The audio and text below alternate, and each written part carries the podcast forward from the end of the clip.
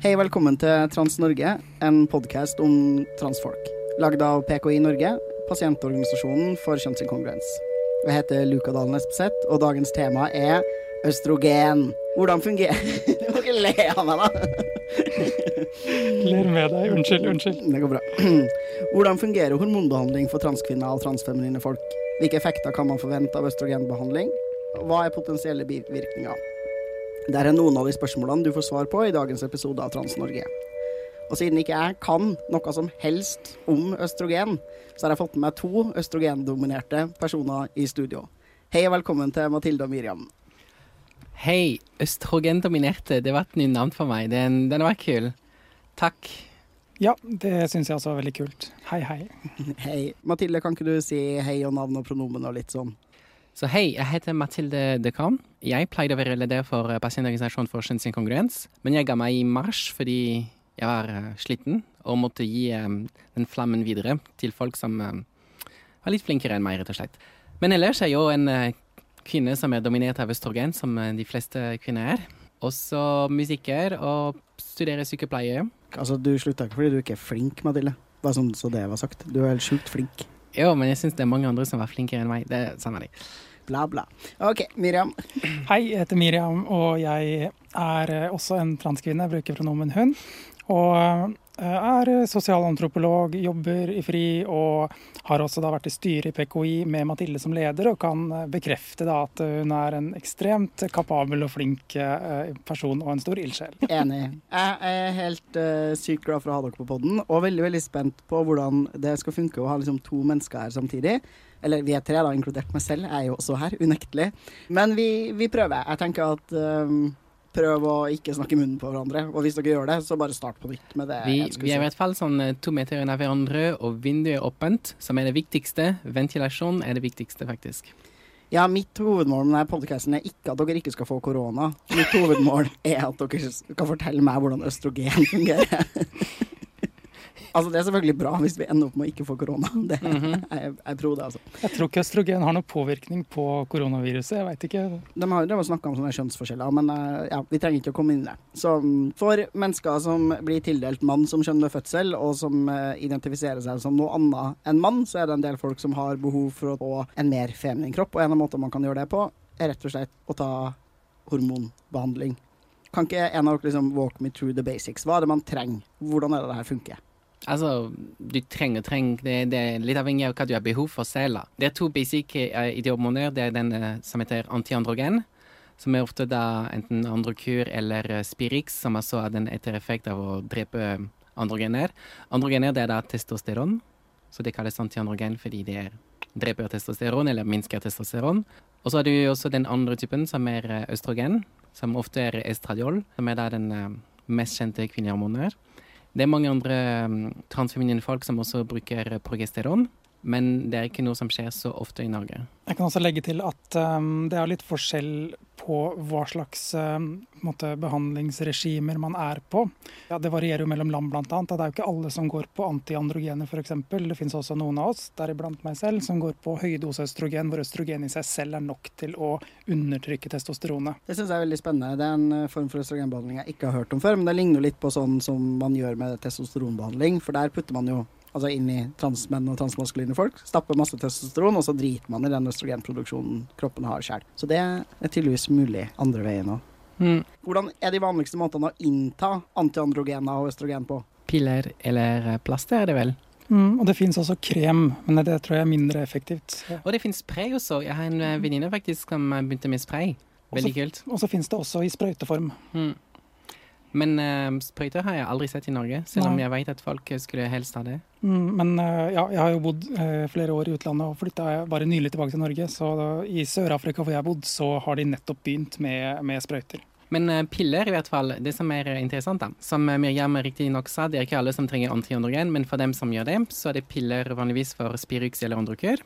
Og så er det piller for østradiol, som er da av den merket som heter Proginova. Som ser ut som små Tic Tacs, så det er litt sånn trans woman candy, eller hva de vil kalle det. Men det som er også viktig å ha kunnskap om om disse piller, det er at uh, akkurat som p-piller, disse øker uh, risiko for uh, blodproblemer. Blodpropp, vel? Ja. Så de anbefaler ikke å fortsette med det når de passerer 40. Så de fleste transkvinner som er litt eldre, får beskjed om at de burde begynne med plaster. Er det noe pros and cons på piller versus plaster? Jeg syns plaster er stygg, og det blir sånn limrester og sånne ting. så jeg synes ikke det er veldig fint. Men det er min egen uh, problem. Skal gå direkte i blodet, så det skal være litt bedre for um, hele din helse gener generelt. da.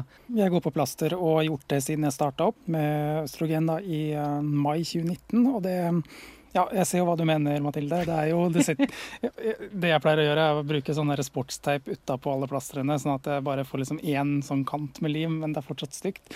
Men, men det funker veldig bra, da syns jeg fysisk. Og fortrinnet med plaster er jo at det har en lavere risiko for blodpropp enn piller, da. Men jeg er veldig spent, fordi jeg, jeg snakket med en venninne som uh, nylig utførte operasjon på Rikshospitalet, som genitaloperasjon.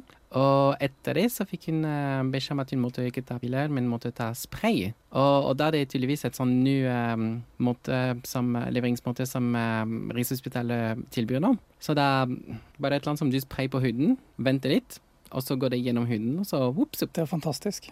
Ja, sånn litt spray, så psh, psh, boobs. Det er sånn det fungerer. Mm. Ja. Spoink! Men da må du passe på hvor du sprayer, fordi sprayer du på ansiktet, så får du bub bu på ansiktet. Så. Mm, ikke så bra. Nå løy Mathilde. Du får pupper på helt vanlig puppested. Helt uavhengig av hva du gjør. Fordi Da kan man jo kort nevne det, fordi det vil jo være forskjell på hva slags type behandling du trenger, avhengig av hvorvidt du har testikler i kroppen eller ikke. Ja. Ja. Mm. Hvis du har fjerna dem, så trenger du ikke lenger å blokkere testosteronet i det hele tatt. Og så må du ikke høre på andre angående hvor mye testosteron de bør fjerne. Fordi eh, det, det, er et land som vi ikke snakker nok om, men eh, cis-kvinner også har testosteron. Alle kropper produserer testosteron. Det er en slags forståelse om at eh, hvis du er en transkvinne, så vil du ikke ha testosteron i det hele tatt, og du vil fjerne hele greia. Når du fjerner alt, så mister du fullstendig libidoen. Du mister veldig mye energi, og depresjon ja, Det er stor risiko for depresjon og sånt. Mm. Så vi, vi, har opplevd at uh, det er mange leger fra Rikshospitalet spesielt som har gitt altfor høye doser av antiandrogen. Jeg pleier å si at uh, det er ikke noe fasit, du må kjenne på det selv. Men det er veldig viktig at du husker at det er ikke meningen av alt skal være borte. Det er sant. Ja, for det er veldig synd at transfolk har en sånn idé om at enten at testosteron eller østrogen er veldig bad for deg. da. At det er sånn her, ja nei, fordi jeg er mann, så skal jeg i hvert fall ikke ha noe østrogen, for det er en femi-ekkelt hormon. Og hvis du er en transdamer, så skal du i hvert fall ikke ha testosteron, fordi det er det ekle, skumle, giftige hormonet som har ødelagt uh, livet mitt, skulle jeg si. Eller som man kan oppleve at har ødelagt mye for deg. da. Mm. Uh, så det tenker jeg er helt sykt viktig å huske, uansett hvilken vei man går. liksom. Alle mennesker cis som trans har en balanse mellom østrogen og testosteron, og det man gjør, er at man vipper liksom balansen fra ja, rett og slett testosterondominert, som jeg liker å si, over til østrogendominert. Mm -hmm. Det er så problematisk altså, måten vi snakker om det på når vi sier androgen. altså Andro betyr jo mann, så, så det også er kjønna bare på en måte selve ordet. Så jeg skjønner på en måte litt at, folk, at, at det blir liksom en forlengelse av dysforien, da, også når det gjelder hormonene. Hvis det gir mening. Jo, jo, men vi sier jo ofte liksom mannlige kjønnshormoner, kvinnelige kjønnshormoner. De er jo ikke det. det er, altså, jeg, jeg syns dette var morsomt, fordi når det er sånn ja, androgen, andro betyr jo mann. Det er sånn, Hæ? Er det det det betyr? Jeg har aldri tenkt på det. så det var... Ja, Betyr ikke det, da? På gresk? Jo, jo, jo, du har fullstendig rett, men det, det var ikke noe som jeg Mannlig kjønnshormon plager meg mer enn androgener. Mm. Selv om det betyr, betyr det, samme. Det er veldig forståelig. altså Mann er jo på en måte mann på det språket du snakker til daglig. Men ja, andro betyr mann, og eh, gyn betyr kvinne. Det er derfor androgyn blir brukt om liksom mennesker som er en kombinasjon av feminin og maskulin. Mm. Velkommen til Trans-Norge. en podkast om etymologi. Det programmet kunne jeg faktisk ha, ha hørt på regelmessig. Altså Transfolk snakker etymologi. Det hadde jeg elska. Det er jo ikke helt sjeldent at transfolk er ganske språknerder. Vi har flere ganske framtredende transfolk i Norge, og ikke-kjønnsnormative folk som er liksom nerder Mm. på språk. Mm. Vi skal lage, Jeg lover at vi skal få en sånn språknerdepod en gang, men denne podden skal altså handle om østrogen, så dere må holde dere til temaet. Der, da. Ok, Det var ikke blant de spørsmålene som de nevnte på begynnelsen, men jeg har lyst til å snakke om det. Ja. Fordi når jeg først begynte min transisjon og begynte å google ting og diverse og alt, jeg fant mange sider som eh, hadde mange påstander om hva hormonbehandling kan gjøre. Og jeg vil gjerne snakke om litt om myter med hormonbehandling.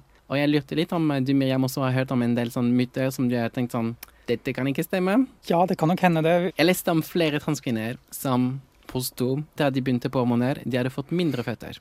Og at, eh, at, de skrev dette, så var det svært mange som liksom plutselig begynte å, få, å kommentere og få sånn veldig skyhøy hopp om at de skulle gå fra en størrelse 44 til 39. Sånn de, det de prøvde å forklare, det var sånn at ja, pga. hormoner, de um, leddene mellom beinene blir litt sånn litt mindre, så da blir du mindre høy og mindre føtter og bla, bla og sånt. Jeg har også hørt det, og, og har faktisk snakka med folk som har opplevd det selv også. Jeg, jeg tror faktisk det er til, hvert fall til en viss grad sant, at, at muskler og sener og sånn blir påvirka av hormoner og kan forandre seg. Jeg vet ikke om Altså, jeg tror ikke jeg selv har gått ned noe skostørrelse, men, men, jeg har møtt folk som påstår at de har det, eh, og jeg, jeg tror på dem. Eh, og det samme sies om høyde òg, eh, at man kan bli bitte litt lavere pga. Måte, måten leddene og sånn eh, organiseres på, holdt jeg på å si. Eh, jeg har sjøl blitt én centimeter lavere, om det er liksom pga. hormonene eller noe annet, det vet jeg ikke. Men, men, det er interessant, da. Jeg tror ikke det bare er tull. Nei, jeg tror ikke det bare er tull, eller, men jeg tenker at uh, den måten vi snakker om det, er viktig. For ikke sant, Når du sier det nå, og det, det høres veldig sånn logisk ut og alt, men når andre bare snakker om det, og det er sånn tre størrelser mindre, mister fem centimeter i høyden og sånne ting mm. Jeg føler at uh, når du er på begynnelsen av en uh, transisjon, du har veldig mange håp, og, og du tror at uh, disse hormonene skal fikse alt. Men den sannheten er at de forandrer egentlig ikke så latterlig mye. Og hvis du skal være glad i deg selv og klare deg videre, du må nesten være litt realistisk også. Mm. En, ting, en, annen ting jeg har hørt snakka om, er jo dette med um, hodehårtap, da, som en del en måte, av oss som er assigned male at birth, Eh, går gjennom. Altså at man mister litt hår, særlig liksom i hårfestet, panna og sånn. Eh, og hvorvidt da på en måte østrogen kan bidra til at det håret vokser tilbake igjen. Det, det diskuteres jo ganske mye enkelte steder i hvert fall. Og, og, da er det jo en eh, altså, Da sier jo mange at nei, det, det går ikke, det kommer aldri tilbake igjen. Men men så er det også eksempler på folk som faktisk har opplevd at det har vært litt tilbakevekst. Da. Men jeg blir litt sånn, jeg vet ikke, jeg blir litt paff da, av å se diskusjonen som ofte blir sånn at enten så er det det ene eller det andre. Altså at man, man på en måte har bestemt seg for at enten så er det ingenting, eller så er det alt. Jeg vet ikke mm. om det gir mening, Mathilde. At liksom, I stedet for å se at ok, kanskje noen er heldige, da, får litt litt tilbakevekst. Kanskje noen er heldige og på en måte blir litt lavere og sånn. Jeg er helt enig. Jeg tenker at det, det er viktig med nyanser. Det er viktig med realistisk for, forventning, å være fornøyd med den retningen de tar og være glad i deg sjøl, da. Og det fins jo, jo cis-kvinner som har store føtter og som er høye og liksom. Og det handler jo, dette handler jo mye om liksom, kjønnsnormer og sånn, da. Det handler fullstendig om kjønnsnormer. Jeg tenkte det, det, er ganske nyttig å skyte inn nå at eh, når Miriam og jeg snakker Vi, vi er begge pers to personer som er transisjonert i en alder av 30. Ish, ja. Jeg starta da jeg var 28 med HRT. Ja. Fordi det vil være et helt annerledes opplevelse for ungdommer som uh, tar uh, kjønnshormoner. Sånn type un ungdommer som ikke har gått gjennom uh, pubertet ennå. Og jo lenger du venter, altså også når du er på en måte eldre enn en vi var, jo, jo, mer på en måte, vil testosteronet forme kroppen din. Da, jo mer på en måte, vil det være nødvendig å reversere. Og jo mindre effekt vil østrogenet ha i seg selv. Er det ikke sånn da, Mathilde? Ja. Hvis du starter når du er 50, så er det annerledes enn du start, hvis du starter når du er 20. Som igjen er annerledes enn å starte når du er uh, yngre enn det. Mm. Ja, altså kroppene våre er jo ganske fleksible og er veldig, i veldig stor grad påvirka av hormoner. Og selvfølgelig jo tidligere du starter med hormonbehandling, og jo mindre de andre hormonene har fått påvirka kroppen din, jo større endringer kan du forvente å se. da. Altså, Det var kanskje litt sånn dumt, å, dumt å snakke om liksom, å sammenligne alder veldig, men altså, det er jo ikke sånn at du må Man kan leses veldig som det kjønnet man er, selv om på en måte, hormonet man tar, kanskje har mindre effekt. En annen ting som er ganske morsom, det er at jo eldre vi blir, jo mer menn og kvinner ligner hverandre. da. Mm. Og så har du jo liksom, du har jo Det er noen av oss da som på en måte har gått et helt liv uten noen form for medisinsk behandling, og som lever dagliglivet sitt som kvinner. Altså Jeanette Solstad Reme f.eks. er jo åpen om at hun ikke bruker eh, hormoner. Bare så det er sagt, alle lytterne våre, det er ingen her som tenker at du er nødt til å ta kjønnsbekreftende behandling, og at det er en forutsetning for å kunne passere, ei heller at hormoner automatisk vil gjøre mm. at du passerer. Og det vil jo da mm. si å bli lest som det skjønner du faktisk er. Det vet alle lytterne våre, gjør ja. ikke det? Det tenker jeg. Ja. Nei. Vi får jo nye lyttere hver gang, så Da gjør vi det, Mathilde. Får jeg nye lyttere hver gang? Neida. ja. Det er alltid viktig å si det at det er du som bestemmer, og det er du som vet hva som er riktig for deg. Det er det samme med hormoner som med kirurgi, egentlig, da. Mm. Og sminke, og hårtap, og bladibla. Klær og Du vet, det er som vi sier, ditt kropp, ditt valg. Ditt kjønn, ditt valg. eh, De Vi er jo ofte litt prisgitt at hyggelige medisinere har lyst til å gi oss kjønnsbekreftende behandling, eller behandle oss med respekt. Men det er en helt annen sak, jeg skulle til å si. Um, men vi prata bitte litt om det her med altså, myter rundt hva som er sannsynlige eller usannsynlige effekter. Og jeg tenker at eh, både for østrogenbehandling og testosteronbehandling så er det sånn at transfolk rapporterer ganske mange forskjellige typer effekter, både fysisk og psykisk, som ja, kanskje noen er mer plausible enn andre, og noen har man funnet, liksom, funnet i forskningsstudier og virkelig monitorert og telt over tid, mens andre ting kan være mer sånn diffust og kanskje ikke være helt riktig for alle. Eh, og så er det selvfølgelig lurt å være litt skeptisk til det du leser på internett. Som Mathilde sa, du kommer nok ikke til å bli 10 cm kortere av å begynne på østrogen, eh, og du kommer heller ikke til å gå ned fem skostørrelser. Men på samme tid, det finnes definitivt også effekter av hormonbehandling som medisinere og forskere ikke har fått med seg, fordi de mm. måler og teller oss i x antall år etter at vi har begynt på behandling, og så slutter de. Eh, I tillegg til at de jo i veldig liten grad snakker med transfolk og får frem nyansene i hvordan vi opplever og erfarer både kroppene våre og psyken vår da, eh, post å ha starta opp på hormonbehandling. Så jeg tenker at det finnes en del effekter av både av østrogen og testosteronbehandling som de bare ikke vet om, da, og som finnes som kunnskap i liksom, transmiljøet. da. Ja, absolutt. Men hvis vi kan gå på de effektene av østrogenbehandling, da. Nå har vi, vi tenker oss en person som har fått eh, testosteronnivået litt lavere enn det som er gjennomsnittet for cis-menn, i hvert fall, og som også tar østrogen. Hva er de effektene man faktisk virkelig vet at liksom, mesteparten eller alle sammen får? Ja, altså En av de ting som de fleste ser, merker mest og fortest, er at du begynner å få pupper. Cirka etter tre måneder. Noen får det fortere, noen, for noen tar det litt lengre. De blir ikke nødvendigvis veldig store, det avhenger veldig mye av dine egne gener, hvor stort de blir. Men de kommer. Størrelsen og formen og alt, det avhenger av dine gener, det avhenger av din kroppsform og sånne ting. Så det, det er ikke noe fast der, men de kommer ganske fort. Og så de vokser og ut Altså det, det tar sånn Akkurat som vanlig pubertet, sånn tre-fire år før de er liksom ferdig vokst. Kroppsår blir liksom litt tynnere. Det, det også kan ta en del tid. Mm. Uh, ellers er det også dette med at uh, un, altså, fettfordelingen uh, endrer seg. At man får gjerne mer underhudsfett i ansiktet, og at måte, fettet også på, på, lenger ned på kroppen flytter seg litt. Da. At man får mer fett på lår og rumpe, mindre kanskje på mage. Sånne ting. Den for meg tok sinnssykt lang tid, da. Mm. Men, men, det er en effekt i hvert fall som Ja. de fleste får. Den fettfordelingen den er det lest om, og jeg tror jeg begynte å merke sånn Oi, jeg har fått en større rumpe. Og det var bare sånn syv år etter at jeg hadde begynt. Mm. Ja, nei, altså venter jo litt på det, da, men, men ansiktsmessig, altså underhudsfett i ansiktet, det har endra seg mye hos meg bare på de to årene jeg har gått på, på Mm. østrogen. Det er veldig mange også som sier til oss at vi ser yngre ut enn vi er. Mm. Men sånn føles det å se, se på bilder av meg sjæl i 2015, så ser jeg eldre ut da enn jeg ser ut nå. Det er veldig rart. Men det er jo også en østrogeneffekt, altså at man får mykere og glattere og mer ungdommelig hud. Mhm. Mm. Egentlig alle bør ta østrogen.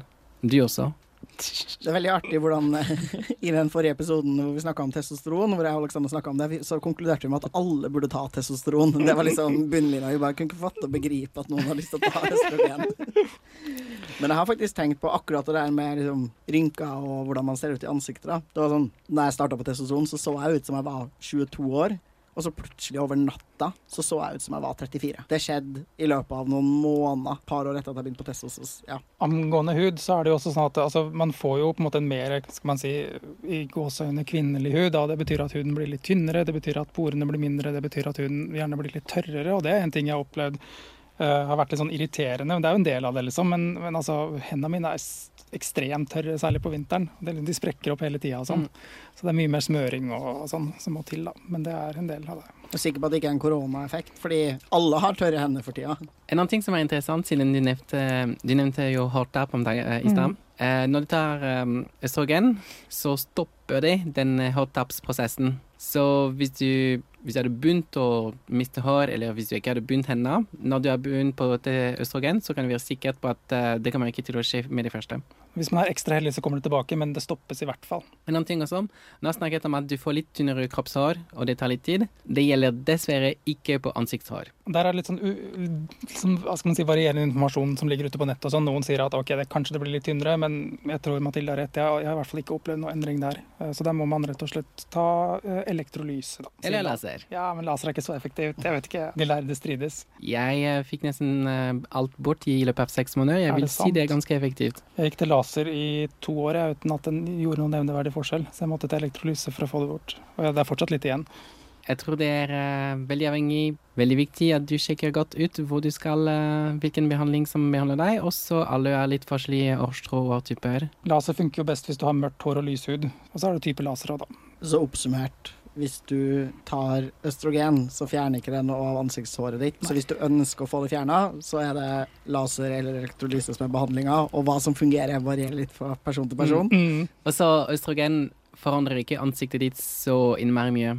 Sånn, det forandrer litt hvordan huden ser ut men det, det, er det, liksom. Jeg tror de fleste som ser et stor forskjell mellom nå og da på hvordan de er, det handler veldig mye med at de har det mye bedre med seg sjøl nå, og de er mye flinkere til å Eller mye mer komfortable til sitt hud. Østrogen er ikke fullstendig magisk, liksom. Veldig mye av de endringene som skjer, det er endringene som skjer inni deg selv. Og det er faktisk den største forskjellen for meg når jeg begynte på hormoner. Eh, det var ikke noe av det fysiske, det var det innerste. Mm -hmm. At um, før jeg var på hormoner, jeg opplevde en sånn kaos av tanker. Et sånn enormt kaos av eh, så spørsmål om min identitet hele tida, og ting var virkelig ille. Men når jeg begynte på hormoner, plutselig var det sånn rolig. Helt vanlig. Det bare føltes som hjernen min hadde funnet den riktige balansen. At uh, det var sånn det skulle være. Og, og det vet jeg ikke hva som Jeg vet ikke om det er noe vitenskap bak dette, eller om det er bare meg som innbiller meg ting. Men, men jeg vet at det er et faktum at um, det var det største og viktigste poeng for meg. Det var det, det roen som det ga meg. da. Men sånn, sånn, var det for meg også. og mm, Jeg hadde jo veldig angst før jeg starta på hormoner, og jeg har fortsatt angst. Men si, etter at jeg begynte på, på, østrogen, så gikk den angsten veldig veldig ned. Og jeg opplevde det samme som deg. altså Det kaoset av tanker ble veldig roa ned. og og da hadde jeg jo vært ute som trans i halvannet år før jeg begynte på HRT. Uh, det er en lang historie bak hvorfor det, men, så det handler jo selvfølgelig litt sikkert om måte, det å vite at kroppen kom til å måte, bli litt mer sånn som jeg ville ha den. Men jeg tenker jo også at det var noe kjemisk der, kanskje også. Kan du fortelle oss litt mer hjem om um, hvorfor, hvis du tar noen små doser østrogen, er det nok, eller Hvorfor må du ta høye doser østrogen eller østrogen og i tillegg antiandrogen? Altså, Det med kombinasjonen med antiandrogen det tror jeg du kan si mer om enn meg, men jeg kan jo fortelle litt om måte, mitt eget behandlingsregime, da, hvordan det funker. Ehm, jeg tar jo en høyere dose østrogen enn det som er vanlig å ta i Norge. fordi jeg, jeg, går ikke på antiandrogener, så jeg trenger mer østrogen for å måte, presse ned testosteronet eh, på et måte, akseptabelt nivå. da. Og, og, det betyr også at jeg får høyere måte, østrogenverdier. Eh, og jeg var inne til sjekk nå nylig hos en, en, norsk eh, lege som mente at det var kanskje litt for høyt. Men, eh, men så snakka jeg med legen min i Sør-Afrika, som har mye erfaring med høydosebehandling, og som sa at nei, det, det er helt greit. Men det er på en måte det egentlig hos, som er å si om det. da. Man må ta ganske mye østrogen for å få ned testosteronet. Hvis man bare bruker østrogen. da. Men med antiandrogener så veit jeg ikke så mye.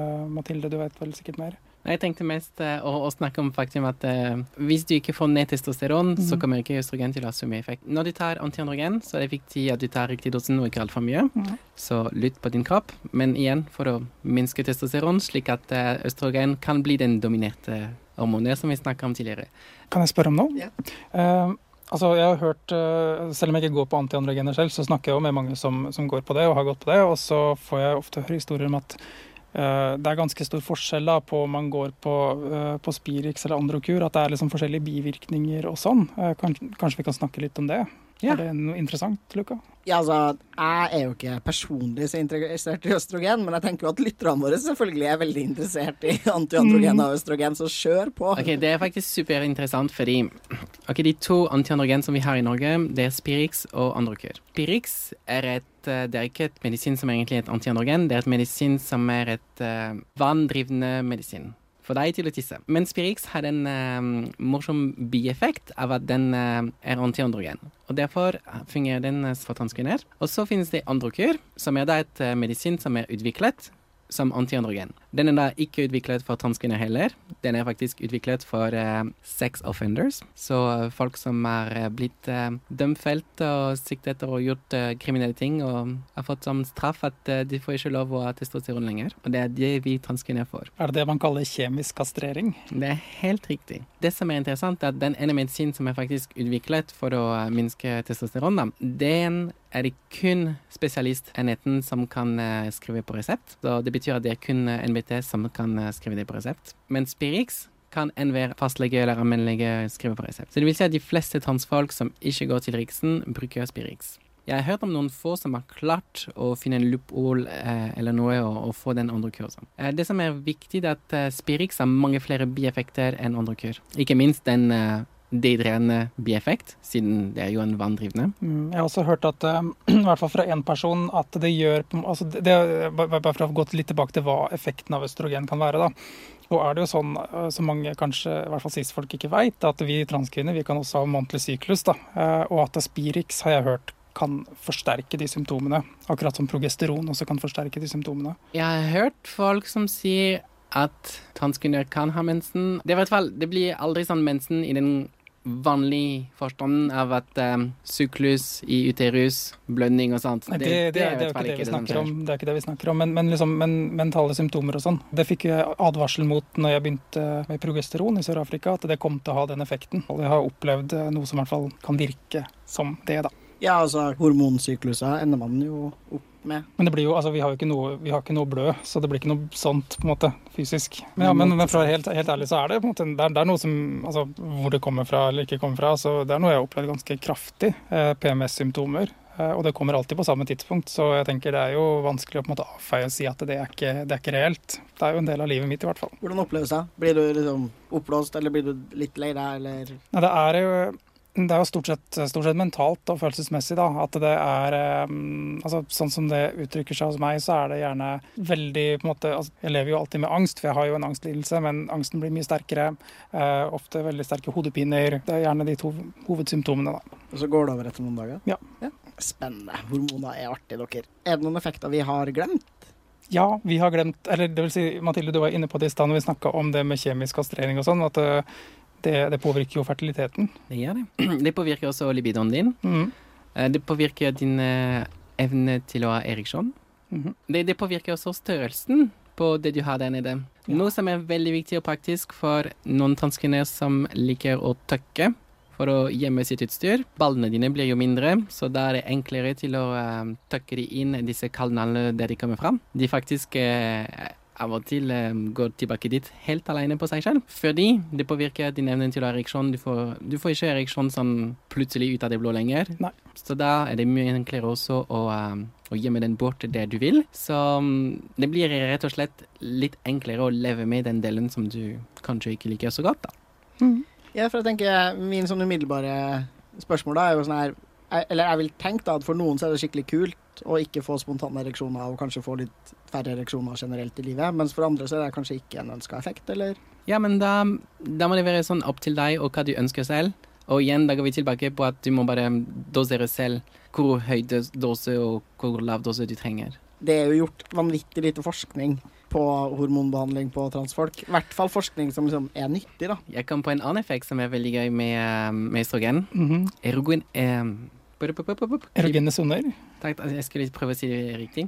Erogene soner. De forandrer seg litt, og noen soner blir mye mer sensitive enn de var. Vi, sa, vi nevnte jo at eh, de får pupper. Herregud, så sensitive de blir. Om du ikke visste om det, så det fins et uh, område som heter perineum, som er der mellom um, ballene dine og anus, som også har en tendens til å bli veldig sensitiv og veldig greit å gjøre diverse ting med. Og en del andre soner som Altså for min del, spesielt sånn bak på nakken der. Jeg kunne få orgasme og bare bli kysset der. og sånn. Det er jo helt, uh, det er jo helt fantastisk hvis man blir, får flere erogene soner på kroppen. Spesielt hvis man liksom syns at det å involvere genitaliene sine i sex kanskje ikke er like kult alltid. Så er jo det en mm. gave, liksom. Det er jo helt mm. fantastisk. Flere effekter? Ja, det er jo Altså de, de måte, mentale, emosjonelle effektene er jo ganske sterke da, er det ikke det? Altså Vi har snakka om noe av det i forhold, forbindelse med som Å ja, herregud, vi glemte å nevne det, men det er veldig viktig siden du mm. sier det sånn. Når du først begynner, og jeg tror det gjelder med testosteron også Altså, det, det blir humors... Det, det blir jævla mye svinger. Mm. Hormonell svinger. Og du blir jo det blir det, Du kan ikke forvente at de første månedene blir rolig. Du, du kommer til å hulgrine av og til uten grunn og sånt. Det,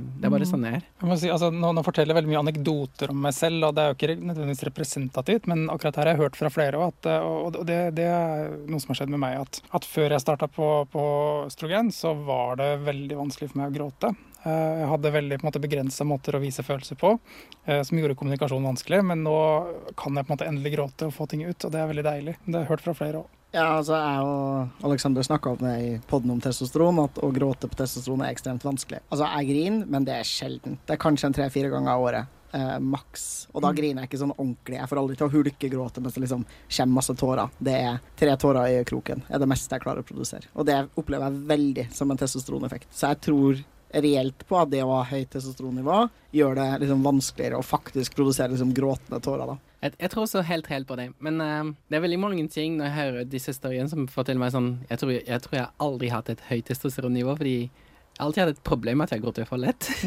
Det skal sies nå at uh, en ting som jeg ikke gjorde før, som jeg gjør nå, er at jeg gråter mye mer på veldig teite ting.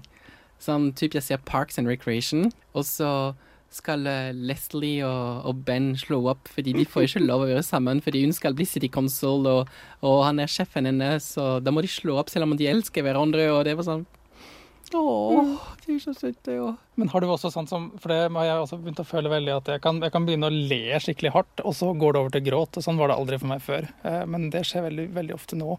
Det er jo et uttrykk som heter å le til man griner. Mm. En annen ting som er, um, som er interessant og kanskje viktig Testosteron hindrer veldig mye hvordan de høres ut, men det gjør ikke østrogen. Nei, Dessverre eh, for oss, eh, mange av oss transkvinner, da, som gjerne måtte, har litt stemmedysfori, sånn som jeg har, f.eks. Men det handler jo om at når man går gjennom eh, testosteronpubertet, så blir jo stemmebåndet utvida, er ikke det som skjer? Og så får man dette såkalte adamseplet, og så er det på en måte, når det har skjedd, så er det der på en måte gjort. Og så går det ikke an å reversere, annet enn med kirurgi eventuelt, da. Ja, det er jo det som hele greia med hormoner, at vi egentlig begynner ganske likt. Når vi er, når vi er barn, eh, gutter og jenter, vi, vi er rimelig likt. Og så skjer det, det jævla testosteron da, som forandrer alt og raserer alt på veien. Og, og det er sykt vanskelig å reversere mye av det som, som skjer da. Så det er derfor når vi sier at um, Når Rikshospitalet snakker om at å, de vil, få, de vil uh, unngå at folk angrer, jeg tenker at det er mange mer som angrer på hvordan kroppen sin ser ut uh, når de ikke får lov å ha tidlig behandling. Helt sant. Ja, definitivt. Og som dere sier, det er jo ganske mange av effektene både av testosteron og østrogen er reversible, men en av de effektene som ikke er reversible, er stemme. da. Så for liksom transmenn eller transmaskuline folk også er det mye av det som skjer med kroppene våre, er reversibelt, Mm. men en av de tingene som vi ikke kan reversere når det først har skjedd, det er jo stemme. Mm.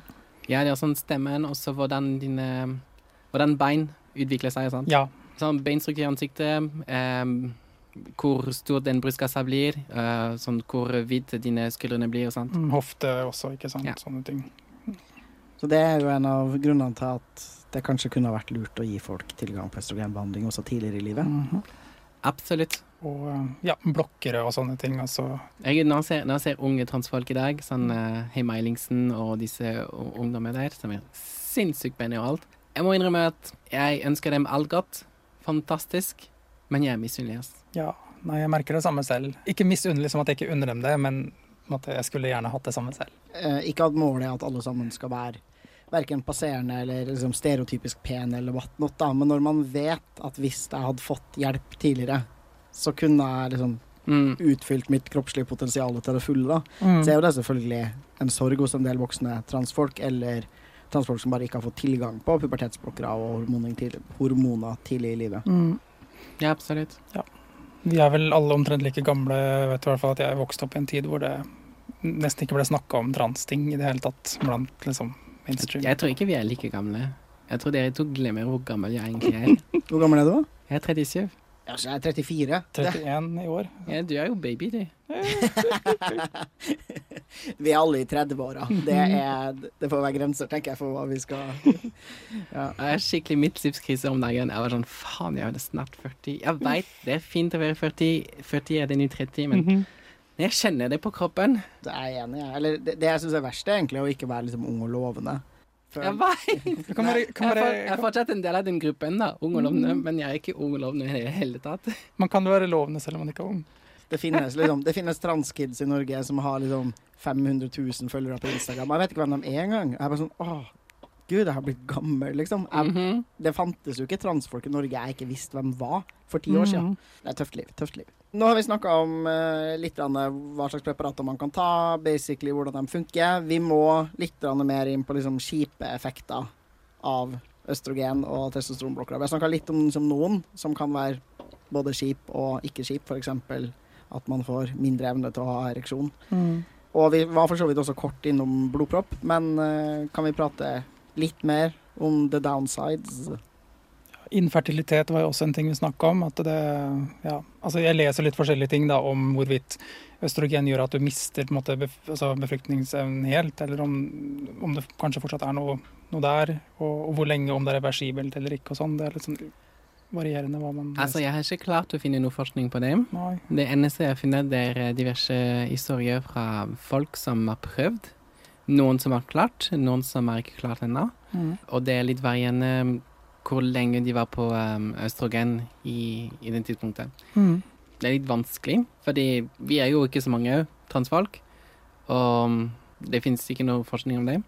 Det som er, det som er greit, er at hvis vi tar til østrogen veldig lenge, så um, den spermie som de lager, blir, blir litt sånn uh, modifisert, da.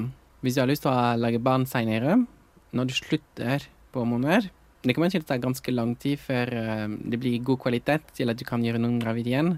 Og det, det blir veldig avhengig fra person til person. Hvis du er i den situasjonen at dette er deg i dag, at de du har bestemt deg nå har jeg en partner som kan bli gravid, og jeg har lyst til at uh, hen skal bli gravid med min uh, sæd, da anbefaler jeg å uh, stoppe hormoner og snakke med din lege om hva slags råd du kan gjøre for å forbedre kvaliteten. Men også etter hvert uh, sjekke med fertilitetsklinikk da, for å se om det faktisk er noe som, som kan fungere eller ikke. Da. For det er ikke sikkert. Nei, vi vet jo rett og slett altfor lite om hvordan både testosteron og østrogenbehandling påvirker fertilitet. Det som jo er heldig i Norge for så vidt, er at de aller fleste som starter på østrogenbehandling, har mulighet til å fryse ned sædceller på forhånd. Mm. Nå. Mhm. Eh, og det gjelder faktisk også folk som eh, får behandling privat nå, kan be om en henvisning og for å få fryst med sædceller. Det var ikke tilfellet for kun få år siden. Mm. Nei, det var ikke det. Vi måtte betale, vi. Nei, Jeg har betalt selv for å gjøre det. Så En annen ting, en annen ting som kan være interessant, da. Ja. Hvis du er en um, person som skal gå på østrogen og, og er glad i sex, det at um, du kommer til å kanskje erfare at å ejakulere blir vanskeligere. Med tilhørende orgasme, eller bare selve liksom, det kommer ting ut? Ja, det kommer ting ut. Men også den Det, det som er greit, at folk som er en eh, penis, vanligvis tenker at uh, orgasme det betyr når, når det er sånn pju, Det er orgasme. Og, og da, da trenger du kanskje å lære deg om igjen hva en orgasme egentlig er. Fordi den eh, pju, skjer kanskje ikke. Og, og, eller det kan være litt mer vanskelig det skjer. Så du, du må bare lære deg om igjen at egentlig orgasmen det, det er hele kroppen. Det, det er ikke bare den lille dingsen som du har mellom beina. Det har kanskje vært bra for sismen òg lært litt mer om, eller? Ja, og da burde sismen tenke litt på tantrasex og sånt, fordi det lærer du litt mer om dette. Trans-Norge, podkasten hvor du får tantrasex-tips. altså, jeg er kjempepro. Jeg er en sexpositiv fyr, så det er ikke noe problem for meg. Kan en egen episode, kanskje. Ja, kanskje det er transtantra. Transtantene. Og Transtantene snakker tantra. om ti år, mens jeg fortsatt lager denne poden og har ingen lyttere, så skal dere få komme og være transtanta som lærer oss om tantra. Er det, Cool, cool, cool, cool, cool. er det noe mer dere vil si til verden om østrogen? Jeg vet ikke hva mer jeg lurer på. Jeg. Det er noen ting som jeg synes er viktig å si. Vi, vi snakket om doseringer og sånne ting. Når du har lavt testosteron, så kan du oppleve sånn mindre energi og alt. Men, men det er til å Du trenger ikke nødvendigvis mye høyere testosteron for det. Kanskje du trenger høyere østrogen også. Fordi østrogen er også et um, hormon som kommer til å påvirke ditt energinivå og sånt. Griller-Riksen de er jo like dårlige på østrogenbehandling som de er på testosteronbehandling, om mulig kanskje faktisk litt dårligere. Så det Men det er helt riktig. Jeg, jeg fikk ikke noe særlig hjelp hos Riksen. Han endokrinolog, han var veldig hyggelig og sånne ting, men han var sånn Først og fremst, du ser han veldig sjeldent. Du ser han hver sjette måned eller noe. Og så det var sånn Ja, det ser fint ut. Ses om seks måneder, da. Mens um, jeg tok sånn blodprøver hos eh, fastlegen min, og jeg sjekka ting, og jeg eh, spurte ham om, om direkte råd og alt. Og, det, og jeg tok blodprøver sånn hver, hver måned i begynnelsen. For det skjer veldig mye i begynnelsen, og du trenger litt Kanskje du trenger ikke så mange blodprøver, men jeg trengte i hvert fall eh, å bli betrygget på dette, da. Mm. Ja, men eh, samme som meg, jeg fikk også hver måned, tror jeg, de første tre månedene. Og så var det vel tre måneder, og så var det seks etter det. Så Mm. Ja, og spesielt hvis du enten opplever at effektene er litt uheldige eller blir stressa da, for dine egne nivåer. Uh, og på østrogen, da, hvor effektene kanskje kan vente på seg, la vente på seg litt lenger, da er det enda viktigere å liksom vite, tenker jeg, for din egen syke, og for å vite at du er på vei i riktig retning, at blodverdiene faktisk ser fine ut. Og da holder det ikke at en endokrinolog sier de ser fine ut. Det er fint å faktisk få de reelle blodverdiene og en forklaring Mm. på det, eventuelt lese på det selv. da. Ja, absolutt. Mm. Nei, så alle burde ta østrogen. Det var liksom Det var enda på visa i dag. Absolutt alle. Nei, men da sier jeg takk for det her. Det har vært eh, Jeg er redd for min egen maskulinitet nå etter å ha sittet i det her østrogen-soka rommet i over en time. Nei, det jeg ikke det. Jeg er veldig trygg på min egen maskulinitet, alle der ute. Jentelus. Jeg har, tror jeg, kanskje jeg fikk litt jentelus av det her. Ny pandemien. Å nei, ja. Ah, men det var eh, veldig, veldig hyggelig å ha dere her på podden. Jeg setter skikkelig pris på å ha lært mer og nye ting om østrogen og antiandrogener. Takk for at vi fikk komme og, prate. Det var veldig hyggelig og interessant. Tusen takk for at dere var med oss her på podden i dag og snakka til oss om østrogen. Jeg heter Luka Dalen Espeseth. Takk til Martin Skjold for den nydelige Trans-Norge-musikken. Følg Trans-Norge på Spotify for å få med deg alle episodene av Trans-Norge. Spre ord om podkasten hvis du liker den. Vær så snill, spre den. Ja, da får vi masse nye lyttere. Det vil vi gjerne ha. Følg PKI på Facebook og Instagram. Der heter vi pki.norge. Og meld deg inn i PKI på nettsida vår www.sjonsinkongruens.no.